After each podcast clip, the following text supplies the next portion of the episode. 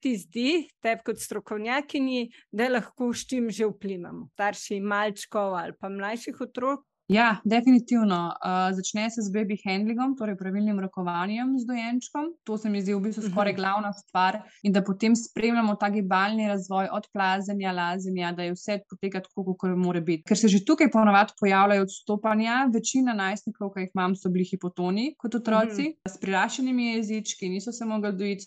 Tako je en par povezav, ki ima uh -huh. težko, da ne bi v bistvu to bilo res lahko uh -huh. en del vzroka.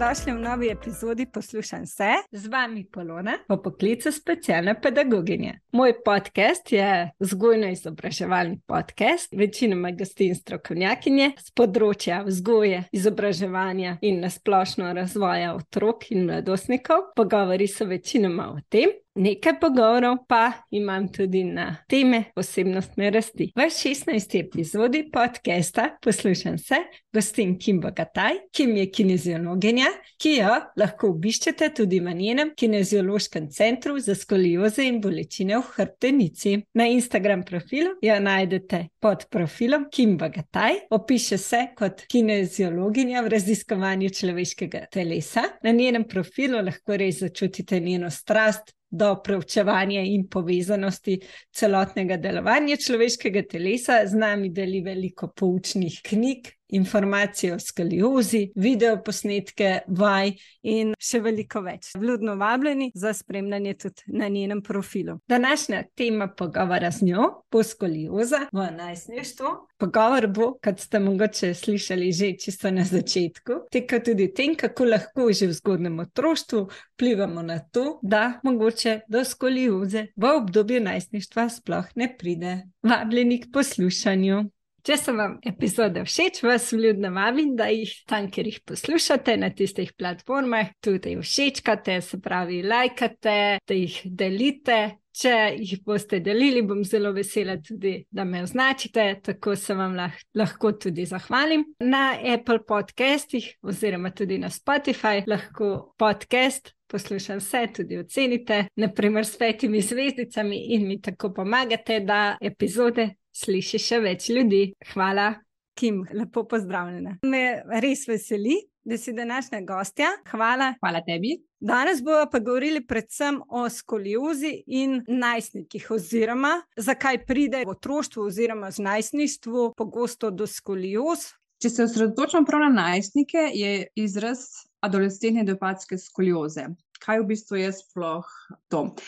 Skolioza je tridimenzionalna deformacija hrbtenice, kaj to pomeni? Zdaj, če pogledamo uh, neko osebo iz treh ravnil, torej imamo frontalno ravnino, sagitalno in pa transverzalno. Uh, iz frontalne ravnine, torej če nekoga gledamo od spredaj, uh -huh. je mhm. ponavadi pri normalnih ljudeh hrbtenica ravna. Pri osebah s koliozo je hrbtenica lahko v S obliki, kar pomeni, da bo ukriljenost naprimer v prsnem in pa ledvenem delu, lahko tudi v vratno prsnem ledvenem delu. Hrbtenice, ali pa S oblike, kar pomeni, da je lahko ukriljenost v prsnem delu hrbtenice ali v ledvenem, ali pa čez prsno ledveni del, torej en tak dolg S. To je bila frontalna ravnina. Pri uh mhm. -huh. sagitalni ravnini, ko nekoga gledamo od strani, imajo normalni ljudje hrbtenico v S obliki. Kar ponazarja na ravni krivine hrbtenice, uh mhm. -huh. torej vratno lordozo, prsno kifozo, ledvino lordozo, Pri osebah s koliozo je pa ponavadi tako, da prsne kifoze ni, je izravnana, medtem ko je ledvena lordoza povečana, ker predvsem zaradi slabih trebušnih mišic in potem medenico kar potegne naprej in zaradi tega pol poveča ledveno lordozo. In pa zadnja ravnina, transverzalna, je pa, če nekoga gledamo od zgoraj na vzdolj, se pa dogaja pri osebah s koliozo, da pride do rotacije vrtenc oziroma rotacije celotne hrbtenice. Zato tridimenzionalna deformacija hrbtenice, ker moramo gledati iz vseh teh smeri oziroma ravnin. In ravno ta transverzalna ravnina, ravno ta rotacija naredi skoliozo tako težko ozdravljivo, bom rekla. A je mogoče to opazno, če bi recimo mi kot starši ali pa prijatelji, znanci, zunanji opazovalci lahko opazili, ali moramo biti že malo iz te stroke? Odvisno, kako velika je skolioza. Zdaj, tiste majhne 20 stopinj, 25, bi rekla, da skoraj ne bi bilo opazno, ker moš uh -huh. res vedeti, kaj gledaš. Uh -huh. Od 30 stopinj dalje je pa mogoče še najbolj značilna grbica na hrbtu. Uh -huh. Recimo, če, je, če je skolioza v prsnem predelu hrbtenice uh, v desno, bo uh -huh. na desni strani prstnega koša grbica, še najlažje opazno. Tako, ali pa mogoče ramena, da nista v isti liniji rameni. A drugače, načeloma pa to na sistematskem pregledu, recimo, je opazno. Tako je. Ja. Ponavadi za te najstniške skolioze je prav okrog desetega leta značilno, da na sistematskem pregledu pediatri ugotovijo, da nekaj ni ok in potem napotijo naprej. V bistvu pediatr in potem napotijo, to pedem in potem on preveri. Potem so pa različne stopne, kot si že nekaj omenila. Ja, uh, ortoped bo pregledal, da uslikati, a glede na to bo kot naprej videl, kako postopati. Uh -huh, uh -huh. Če skolioza, rečemo, da do 20 stopinj bojo samo opazovali, ko preseže 20-25 stopinj, je pa čisto odvisno od pediatra, ali predpiše steznik uh -huh. ali predpiše vaje. Uh -huh. Pa pa skolioza enkrat preseže 35-40, pa, pa se že malo pogovarjajo od operacije. Ja. Cilj je pa zagotovo, da operacijo preprečijo. Ja. Ja. Mogoče še eno vprašanje, preden greva direkt specifično na kakšne vaje, pa naprej. Je pogostejša pa pri deklicah, boš mogoče več o tem razložila. Ja, v populaciji je ta adolescentna dopatska skolioza med 1% pa med 12%. Uh -huh. Kar se ne zdi tako velik, Se je pa definitivno povečala v zadnjih letih, prav zaradi korone in sedenja. Pogostejše je pri deklicah, to pa povezujejo s tem, da imajo deklice hitrejšo rast, pa z uh mhm. -huh. hormoni. Zanimivo. Glej, zadnjič, ko smo se s prijateljem pogovarjali, da bom imela pogovor s tabo in vprašala, kako hitra rast pa to potrebuje biti, da te lahko skrbi. Mogoče kot informativno, glede pospešenega obdobja rasti. Uh mhm. -huh. Pri deklicah pri deklicah. Pri najstnicah se gleda obdobje menstruacije, torej eno leto pred menstruacijo in pa eno leto pa pol po menstruaciji. To je tako krizno obdobje, kdaj je res skolioza lahko faja napreduje in je treba takrat opazovati, pa predvsem delati redno vaje. Pri fantih je pa uh, mutacija glasu enako, eno leto pred mutacijo in pa eno leto po mutaciji. Mm -hmm. Zdaj, hiter bi lahko nekdo rasti. Po mojem, je to čisto odvisno od posameznika, predvsem, kakšno držo ima, koliko sedi na mhm. dan, v kakšni drži, kako leži, kako stoji, uh, bolje potem od tega mhm. odvisno. Uh, hvala. Ja, ja se, to, se mi je zdelo, da je zagotovo ne od posameznika, ampak zelo, uh, mi je pa zelo, se mi zdi zelo koristno ta informacija, ki si jo dala glede uh, menstruacije in mutacije glasu. Kaj pa, ko potrdijo, recimo, ko ortoped potrdi skoliozo, se pravi, koliko je to pol pogosto, rekla si, da je nekako od 1 do 12 odstotkov, če sem te prav razumela, da se pojavlja ta. Adolescentna, koliko pogosto pa je, recimo v Sloveniji, Tih informacij pa nažalost nisem našla. To bi mogla uh -huh. prav uh, Valdoltro, naprimer, ki uh -huh. je mhm. vodilna te skolioze, kontaktirati, da bi mi oni malo povedali, kako imajo v sistemu. Aha, zaveden. Ja. Ok, ni, ni problema, sploh. Se pravi, sem redovedna. Kako pa je, ko potrdijo skoliozo in si rekla, da najprej običajno ali se predpiše steznik ali pa vaje. Ne? Mogoče malo več o tem, kaj je tvoje mnenje. Torej, najprej, če skolioza ni že od samega začetka, čez 25 stopinj, bojo samo opazovali. Kar pomeni, da bojo opazovali, oziroma bojo naročili spet na pregled čez 4-6 mesecev.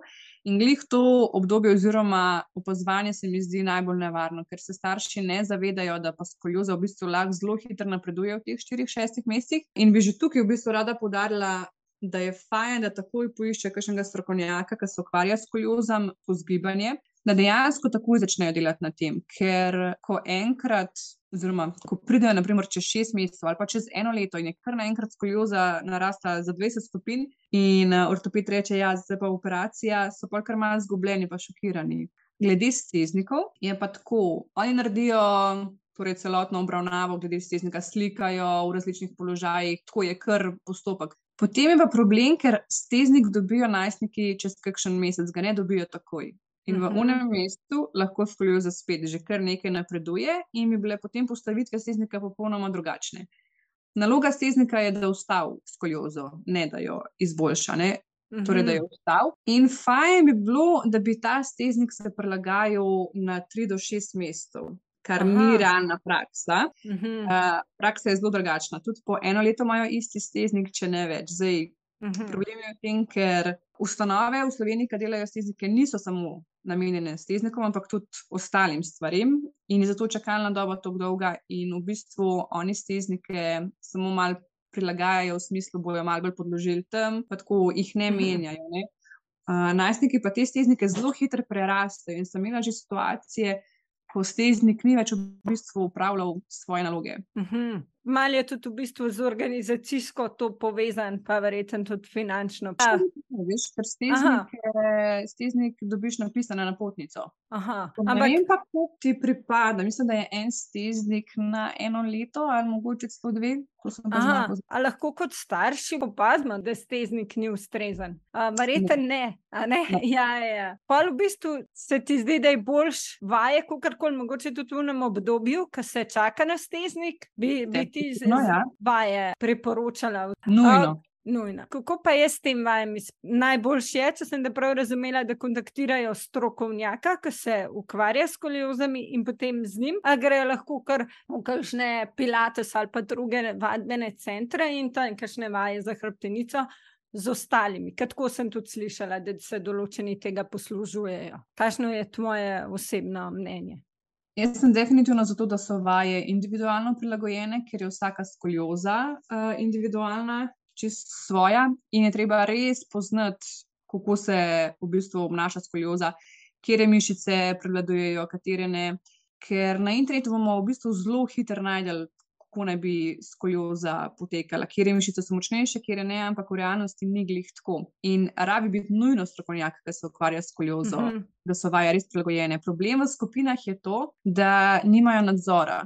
To bi, na primer, predlagala po enem letu, pa da res vidim, da najstnik obvlada korekcijo, da obvlada svojo držo, da pozna svoje telo, da zna dejansko v nulo določene vaje, da bi pol lahko šel v skupino. To je še za nas odrasle zelo težko. No, saj, ja. Mislim, saj, z- verjamem, da so tudi eni takšni najstniki, ampak ja, verjamem pa, da je za večino to kar težko. Ja.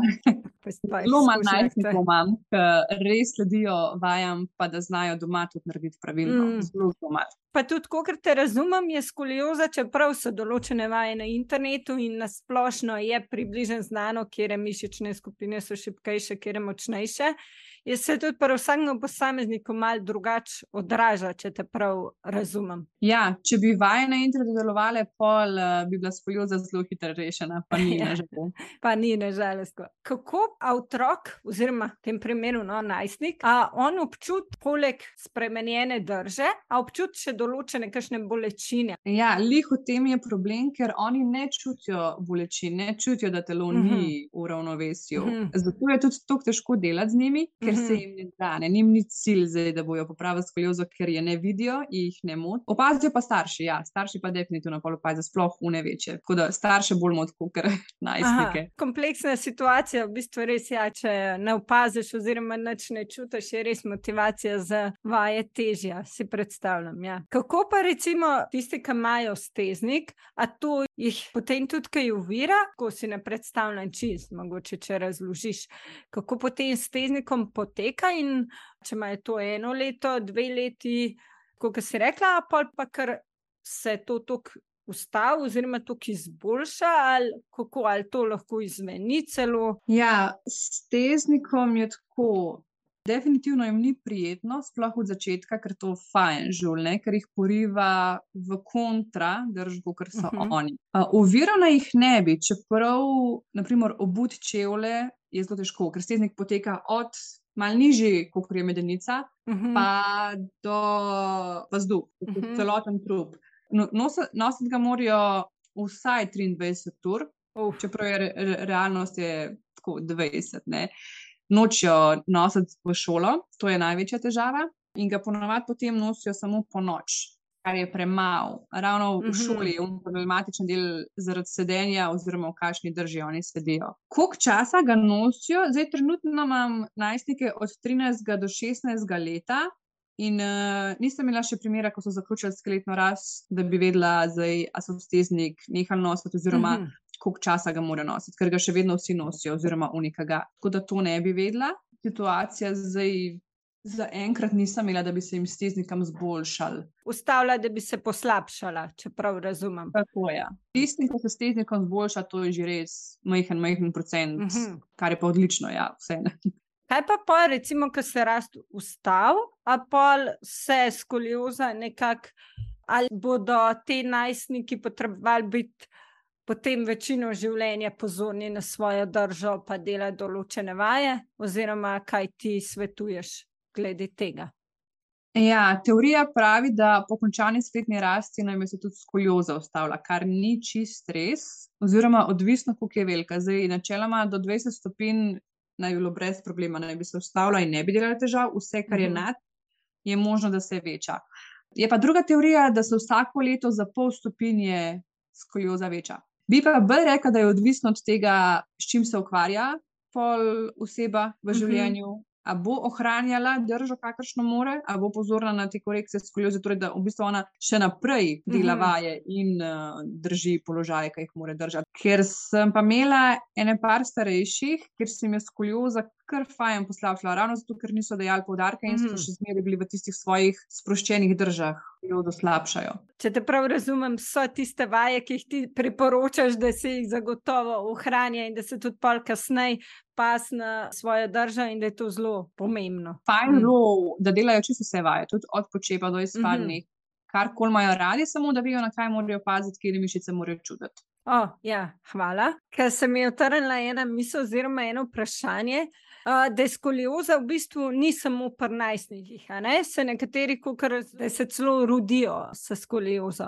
Mogoče da to razliko še poveva, da, da ne bo kakšne zmede glede tega. Kakšna je razlika, potem bova pa šle na, recimo, na preventivo. Da, nažalost, skoliozam, ki so že prerojene v rojstvu, uh mhm. -huh. nisem vedela, tako da dejansko ne bi vedela, kakšen je postopek sploh z njimi. Uh -huh. A mhm. se da to odpraviti, ne zbi reka, da ne, in da so uh mhm. -huh. konkretno progresivne, torej da se kar fajn lahko slabšajo. Da poveva, da je v bistvu razlika ne, med temi in temi, ki se pol pojavijo zaradi pospešene rasti oziroma v najstništvu. Ti vem, da se res zdaj poglobljeno s tem, kako vse to, če telesu ne dela čist. Pravilno, oziroma, če je en del ukrivljen, oziroma da to vpliva na druge dele telesa. In sem uh, zasledila na veliko obosonogi obutvi, Ali se ti zdi, da je kakšna preventiva, zlasti mogoče v mlajših letih, ne mogoče tok tik pred najstništvom, ampak tako se ti zdi, da je takoj, ko lahko starši malčkov ali pa mlajših otrok naredimo,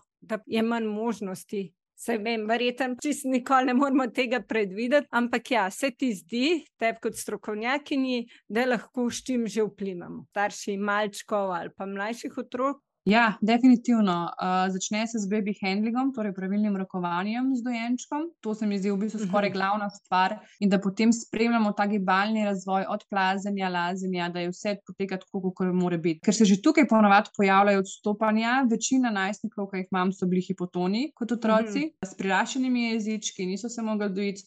Tako en par povezav je, kaj imajo mm -hmm. težko, da ne bi v bistvu to bilo res lahko mm -hmm. en del vzroka čim več gibanja, pa usmerjanje v šport. Ampak šport, tako da starš v bistvu ve, kaj otrok dela na treningu, da ni zdaj to, kar je mhm. zadnje čase popularno, ko otroka zmatrajo na fertik, ampak eh, poudarjanje k pravilnem gibanju, pravilnim vzorcem gibanja. Ja, Máš mogoče ti še kakšno, se ti zdi, da smo kaj pomembnega izpustili, oziroma če bi kaj dodala? Ja, to glavno vprašanje staršev, a se da skolioza rešiti. In jaz ja. vedno rečem, da rezultat je čisto odvisen od uloženega dela najstnika. Oni morajo biti pripravljeni, da bojo garali. Jaz ne mhm. učim samo najstnikov, ampak dejansko učim starše, kako morajo delati doma z otrokom, kaj morajo paziti. V bistvu pa že starš ve samo vajo. Ker to ni zdaj, tri mesece bomo delali, po pet minut na dan, pa bo v redu, ne, to so leta. Imam najstnike, ki so dve leti, po tri leta z mano, pa še vedno uh -huh. ni ok. Tako da trdo delo, vsak dan telovaditi, drže, kako uh -huh. spijo, ležijo, kako sedijo, kako stojijo, vse to. In pa mogoče porad z Ja. veliko motivacije. Se pravi, v bistvu starši tudi zelo intenzivno vključiš. Je v bistvu res tukaj zelo pomembno, da starši tukaj zelo sodelujejo s tabo oziroma z drugim strokovnjakom. Da pol nekako tudi motivirajo najstnika k tem vajam in je to zelo pomembno za njih. Mhm. Nujno, ja. Ali so še kakšne druga vprašanja, ki jih redno dobivaš, pa jih bi tudi tukaj delila? Ne, mislim, da je ta edino, predvsem to, Mhm. a je recivo. Ker ostalo se pa že vse navezuje bolj na podrte stopane, loke in čeljust, če je mogoče samo to, če je tudi povezava. Ja, definitivno skolioza vpliva na celo telo. Od podrtih stopanih lokov, kolen na X, uh, Mhm. zamaknjena čeljust, krivi zobje. Ko vsi Mhm. najstniki, ki so pri meni, imajo zobne aparate. To je pa res Ja. fascinantno, v bistvu. Je to tako povezano. Ja. Ta naš človeški telo je fascinantno, kako smo zgrajeni in vse načeloma deluje. Ali pa ne, če, če ne. a ne? Ko- A Ne, pol padeš preveč globoko v luknjo in preveč raziskuješ, in pa že preveč povezav. Že preveč povezan. Okay. Mislim, da smo nekako um, prišli, da smo eno celoto. Jaz uh, se ti najlepše zahvaljujem za tvoje sodelovanje. Sem res, kot sem že prej rekla, ful vesela se mi zdi, to je ena zelo pomembna tema. In uh, tako, kot si rekla, starše tudi skrbi. In se mi zdi tudi res zelo pomembna, ja, da imamo tudi vsi, mogoče, ki se še s tem ne srečujemo. ali Meni je to zanimivo no, uh, vedeti, pol tudi mogoče se lažje kdaj. Kaj, ali komu pomagaš, ali na kam se obrniti, tako bolj veš. Ja. Da, hvala. Hvala tebi za povabilo. Ja, ja, z veseljem. Vsem pa hvala za poslušanje in se slišimo. Lepo zdrav!